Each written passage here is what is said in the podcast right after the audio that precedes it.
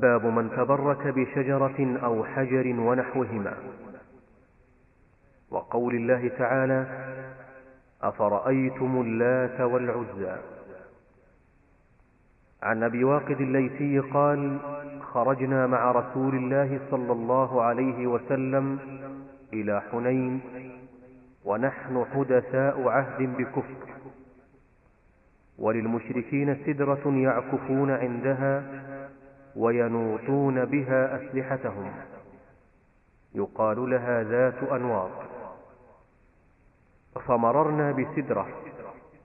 فقلنا يا رسول الله اجعل لنا ذات أنواط كما لهم ذات أنواط. فقال رسول الله صلى الله عليه وسلم الله أكبر إنها السنن.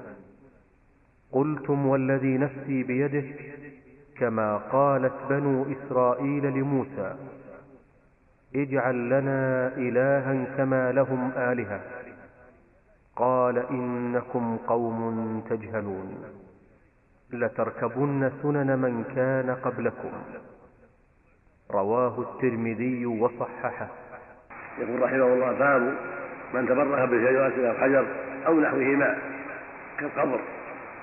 والصنم ونحو ذلك. والتبرك بها طلب البركة منها كما يفعل عباد القبور وعباد الأشجار والأحجار. ترك الجواب لأنه معلوم المعنى فقد أشرك باب من تبرك في حكمه أنه قد أشرك هذا هو جواب من تبرك باب حكم من تبرك بشيء إلى آخره أو باب من تبرك بشيء إلى آخره ونحوهما فقد أشرك ترك الجواب ليتدبر الطالب ويتأمل الطالب الحكم مما ذكر في الآية والحديث. والتبرك بالأشجار والأحجار من طبيعته ومن عمل الجاهلية وأخبارهم وأعمالهم المعروفة. فكانوا يتبركون بالأشجار والأحجار والأصنام ويدعونها يستغيثون بها وينذرون لها إلى غير ذلك. فجاء الله بالإسلام فأبطل ذلك وبين لهم النبي صلى الله عليه وسلم أنها لا تنفعهم ولا تضرهم وأن عملهم هذا باطل وأمرهم بترك ذلك والبراءة من ذلك وأن لا يعبدوا إلا الله وحده سبحانه وتعالى. ومنهم من أجاب وهم السعداء وهم الأقلون ومنهم من كفر وأنكر وهم الأكثرون. قال تعالى وما أكثر الناس ولو حرصت بمؤمنين.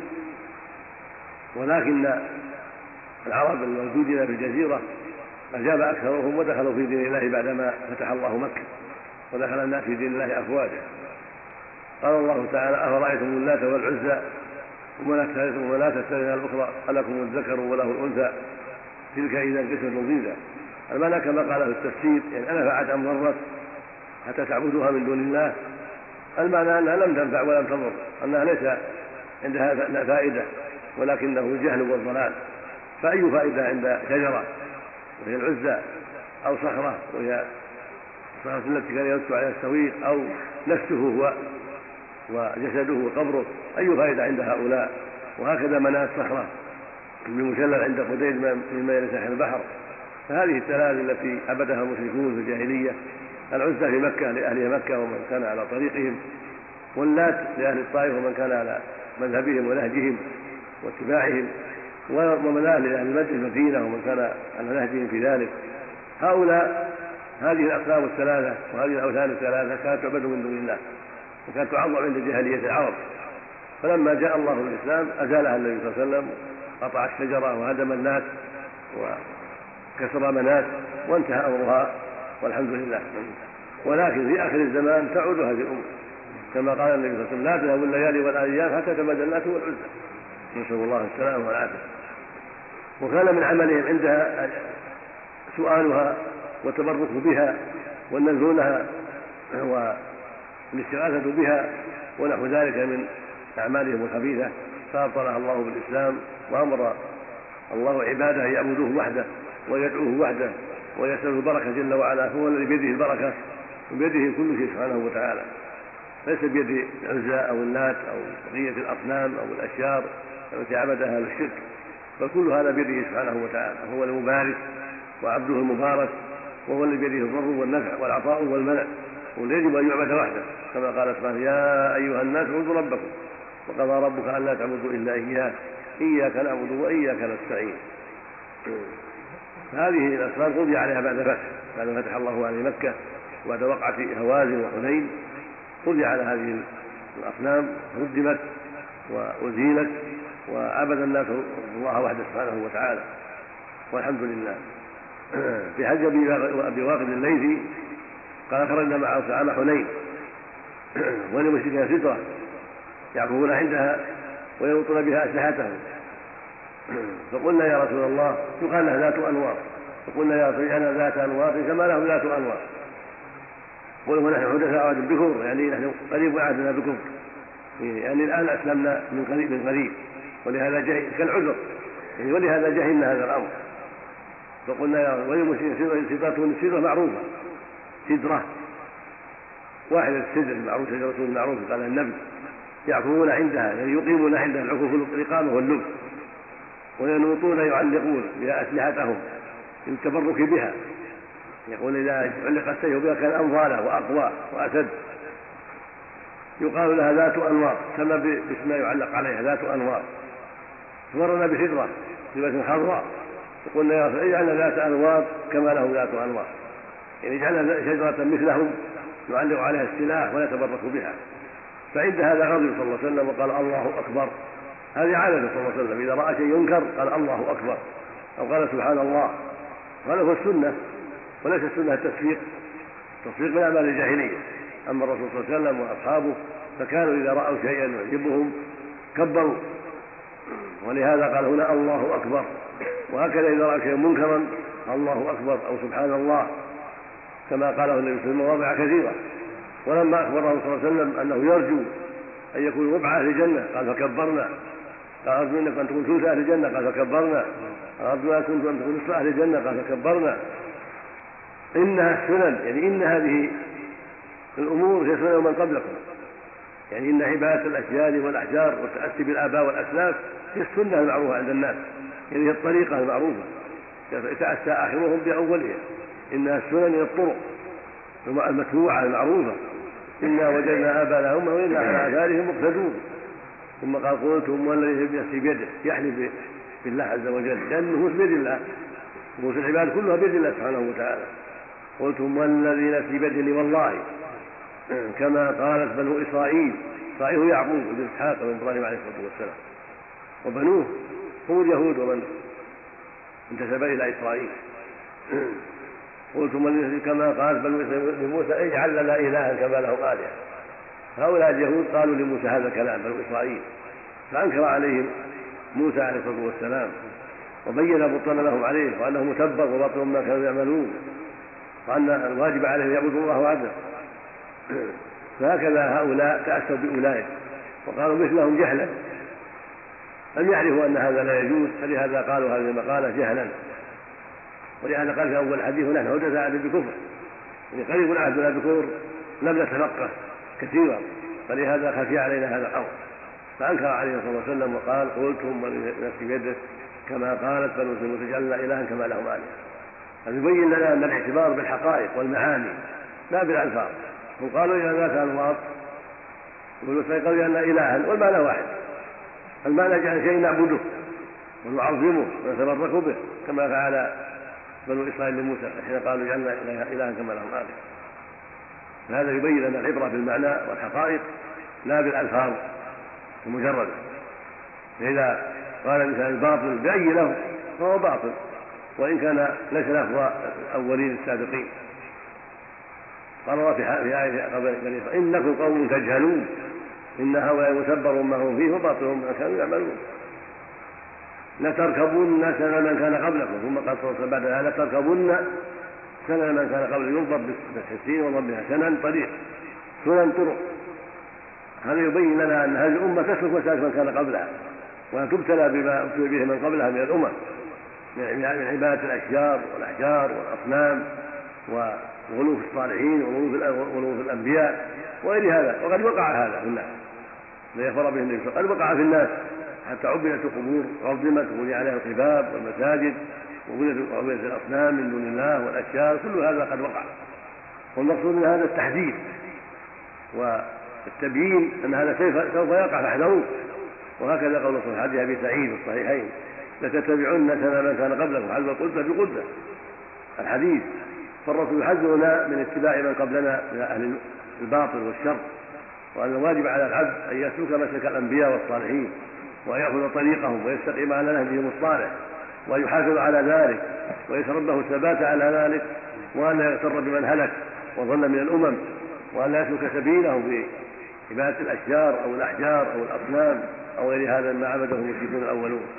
فالطريق السليم والصراط المستقيم هو أن تعبد الله وحده وأن تسلك مسلك الأنبياء والصالحين الذين تابعوا الأنبياء وساروا على نهجهم هذا هو الطريق النادي والسعيد وهذا هو الصراط المستقيم وهذا هو مسلك الأخيار من عباد الله المؤمنين. أما اتباع الضالين والسير على نهجهم فهذا نهج المغضوب عليهم ونهج الضالين ونهج فارس والروم ونهج من خالف الشرع. نسأل الله للجميع العافية والسلام. باب ما جاء في الذبح لغير الله. وقول الله تعالى قل إن صلاتي ونسكي ومحياي ومماتي لله رب العالمين. لا شريك له. الآية. وقوله تعالى فصل لربك وانحر. عن علي رضي الله عنه قال حدثني رسول الله صلى الله عليه وسلم بأربع كلمات. لعن الله من ذبح لغير الله. لعن الله من لعن والديه. لعن الله من آوى محدثا. لعن الله من غير منار الأرض. رواه مسلم. وعن طارق بن شهاب أن رسول الله صلى الله عليه وسلم قال دخل الجنة رجل في ذباب ودخل النار رجل في ذباب. قالوا وكيف ذلك يا رسول الله؟ قال مر رجلان على قوم لهم صنم لا يجوزه أحد حتى يقرب له شيئا. فقالوا لأحدهما قرب. قال ليس عندي شيء أقرب. قالوا له قرب ولو ذبابا. فقرب ذبابا. فخلوا سبيله فدخل النار. وقالوا للآخر قرب. فقال ما كنت لأقرب لأحد شيئا دون الله عز وجل. فضربوا عنقه فدخل الجنة. رواه أحمد. يقول رحمه الله باب ما جاء في الذبح لغير الله. لباب ما جاء من أدلة. الكتاب والسنة في حكم الذبح لغير الله. وذلك لأن الناس ابتلوا في زمانه وقبل زمانه بأزمان بالذبح لغير الله من الجن والأصنام والقبور وأصحابها. فلهذا أراد أن يبين للناس حكم هذا الأمر الذي وقع في زمانه وقد قام يدعوهم من الله وينذرهم الشرك بالله. فلهذا ألف هذا الكتاب وجمع هذا الكتاب ليعلم الناس أحكام التوحيد وما يتعلق بذلك من المحرمات الأخرى. باب ما جاء في الذبح لغير الله. يعني من الوعيد والدلاله على أنه من الشرك الأكبر. قال الله تعالى قل إن صلاتي يعني قل يا محمد الناس إن صلاتي ونسكي يعني ذبحي. وقال ما آخرون معناه تعبدي يعني النسك التعبد. ويدخل فيه العبادة يدخل فيه الذبح وغيره. قل إن صلاتي ونسكي ومحياي ومماتي لما أحيا عليه وما أموت عليه من العبادات والأعمال. لله رب العالمين. سبحانه ولا شريك له. وبذلك أمرت وأنا أول المسلمين. هذه الآية تبين لنا أن الذبح عبادة. لا بد أن تكون لله. لأنه قال لله رب العالمين. لا شريك له. فدل على أنه إذا ذبح لغير الله كان يذبح للجن أو للأصنام أو لأصحاب القبور تقربا إليهم فهو مثل من صلى لغير الله. لأن قرر الذبح بالصلاة. فكما أنه لو صلى للجن وصلى للقبور أو صلى للشمس أو صلى للقمر أو صلى للاصنام كان شركا بالله قد عبد غير الله هكذا إذا ذبح العبد سواء بسواء. هذه عبادة وهذه عبادة. قل إن صلاتي ونسكي ذبحي ومحياي ومماتي لله رب لا شريك له. وبذلك أمرت وأنا أول مسلم. فقد أمر بأن تكون صلاته لله وصومه لله وذبحه لله وجميع ما يحل أن يموت العبادات كله لله سبحانه وتعالى. وهكذا قوله جل وعلا قل إنا أعطيناك الكوثر فصل لربك الكوثر نهر في الجنة عظيم. أعطاه الله نبيه محمد صلى الله عليه وسلم. ومنه يصب ميزابان عظيمان في الحوض يوم القيامة الحوض صلى الله عليه وسلم. إنا أعطيناك الكوثر صلي يعني شكرا لله على هذه النعمة أن أعطى الكوثر فصل لربك وانحر يعني واذبح إن شانئك هو الأبتر يعني مبغضك هو الأبتر هو المقطوع الذليل الحقير. هذا يدل على أن الصلاة عبادة والنحر عبادة. لأنه أمر بهما. فإذا كان النحر عبادة علم أن صرفه لغير الله شرك كما لو صرف الصلاة. فالذي يذبح الإبل أو البقر أو الغنم أو ما أقل أو ما أقل من ذلك للجن يخشى شره كما كانت تفعله الجاهلية ويفعله بعض الناس في الإسلام للجن خوفا من شرهم. وهكذا ذبحه للأصنام أو ذبحه للأشجار والأحجار أو ذبحه للكواكب أو لأصحاب القبور كالبدوي أو الحسين أو الحسن أو فاطمة أو النبي صلى الله عليه وسلم أو فلان أو فلان. كله داخل في هذا كله شرك بالله عز وجل. إنا أعطيناك الكوثر فصل لربك وانحر. والعبادة ما أمر الله بشرعه هذه هذا أمر. والعبادة أيضا كل اسم جامع كل ما يحبه الله ويرضاه. والله يحب أن يتقرب إليه بالصلاة والذبح. هذه من هاتين الآيتين أن الذبح لغير الله شرك بالله هذا حكم. الحديث الثاني حديث علي. علي هذا هو ابن أبي طالب ابن عبد المطلب ابن هاشم ابن عم النبي عليه الصلاة والسلام وزوج ابنته فاطمة ورابع الخلفاء الراشدين رضي الله تعالى عن الجميع. يقول حدثه رسول الله صلى الله عليه وسلم بأربع كلمات. وهذه الأربع بينها قال لعن الله من ذبح لغير الله. لعن الله من لعن والديه. لعن الله من آوى محدثا لعن الله من غير من رواه مسلم الصحيح. هذه أربع كلمات بعضها أشد من بعض. وبدأ بالأولى وهي أشد شيء وهو الذبح لغير الله لأن الشرك أعظم الذنوب ولهذا بدأ بها قال لعن الله من ذبح لغير الله. فعلمنا أن الذبح لله عبادة. وأن من صرفه لغير الله كالجن أو الشياطين أو الكواكب أو الأصنام أو أو أهل القبور أو ما أشبه ذلك يكون ملعونا. فيقع لهذا لهذا الذنب العظيم. واللعن هو الطرد والإبعاد عن من الرحمة. الدعاء بذلك نسأل الله السلامة. هذا يدل على أنه من الكبائر. وهو من الكبائر الشركيه كما قال النبي صلى الله عليه وسلم بأكبر الكبائر قلنا ما لا قال الإشراك بالله. فالشرك من أكبر الكبائر. الثاني لعن الله من لعن من لعن والديه. لعن الوالدين من الكبائر أيضا. ومن أعظم القبائح. ولذلك اللذان أحسن إليك وربياك وتعب عليك لعنهما من أقبح القبائح. وهكذا لعن الناس حتى يلعنوهما. كما في الحديث الآخر عن عبد الله بن عون في الصحيحين. يقول صلى الله عليه وسلم ما كبائر شتم الرجل لوالديه. قيل رسول يسب الرجل والديه استنكر ذلك لأن تعظيمهما وبرهما معلوم بالفطر بالعقول وبالأدلة. وهل يسب الرجل والديه؟ نعم يسب أبا الرجل يسب أباه ويسب أمه فيسب أمه. هذا يبين لنا أن يسب الناس حتى يسب والديه ما لا نساب لوالديه متعرض لهذا فيكون آثما بسبب أنه سب الناس بغير حق وتسبب في سب والديه من الناس. هذا أيضا من الكبائر. فعليك أن تحفظ لسانك يا عبد الله. الإنسان يحفظ لسانه وألا يسب. والسب قبيح. ومن الكبائر لا يجوز السب سب الناس. قال النبي صلى الله عليه وسلم سباب من الفسوق وقتال الكفر. فالسب بغير حق من الكبائر. قال عليه الصلاة والسلام لعن المؤمن كغسله لعن المؤمن كغسله رواه البخاري من حديث ثابت بن الضحاك الأنصاري. فينبغي لك أن تحذر شر لسانك. وقال عليه الصلاة والسلام إن اللحاني لا يكون شهداء ولا شفعاء يوم القيامة. وخرج مسلم صحيح وليس من بالطعان ولا اللحان ولا الفاحش ولا البذي.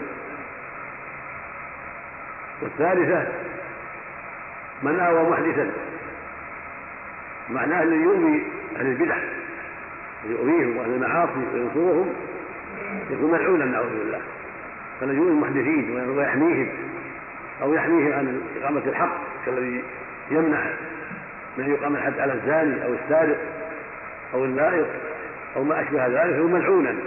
وهكذا من أوى البدع من أوى البدع ونصرها وايدها ثم ملعونا نعوذ بالله.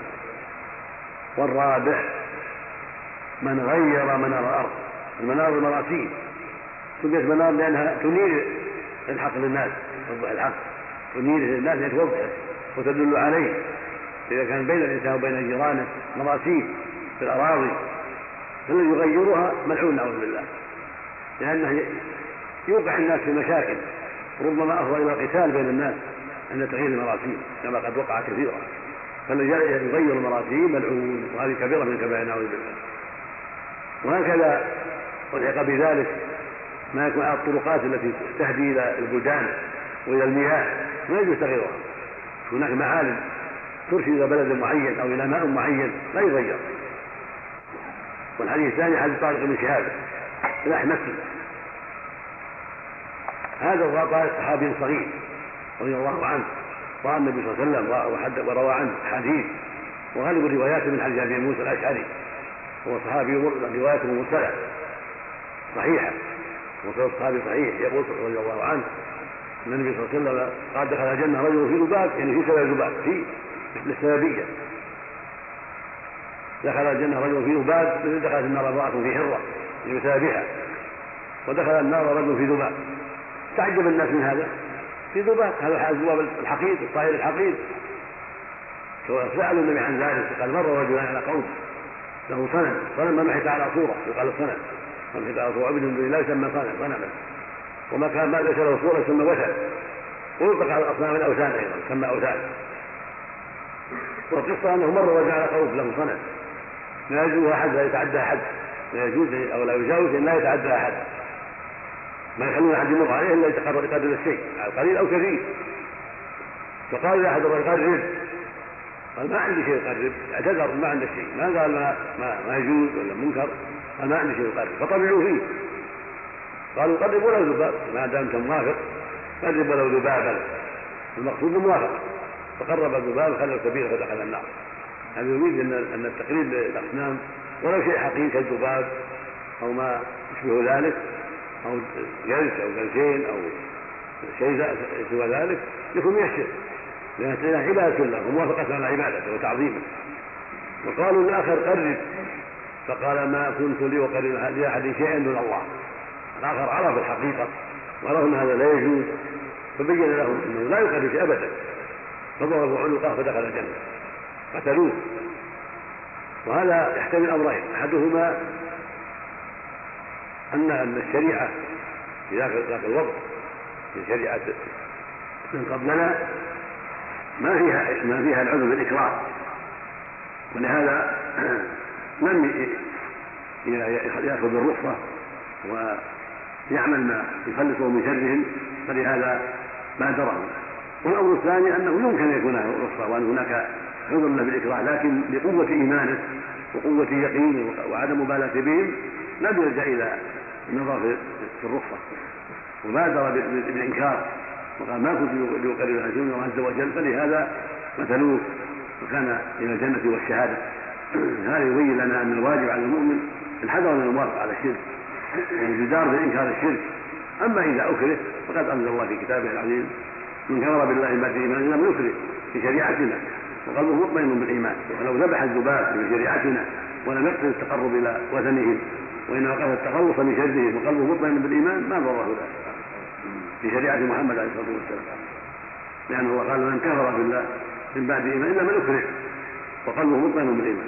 فلو أن إنسانا في شريعة محمد أكره على أن يذبح شاة أو بعيرا أو غير ذلك أو ما هو أحقر من ذلك ولم يتخلص من ذلك إلا بإجابة طلبهم فإنه يذبح وله رخصة ولكن لا ينوي شيئا ينوي بقلبه لله أو, أو, أو لا ينوي شيئا من جهة صنمهم وإنما يقصد التخلص من شره فقط لا يكون معذور إذا لم يكن هناك مندوحة إلى القتل. وفق الله الجميع وصلى الله وسلم.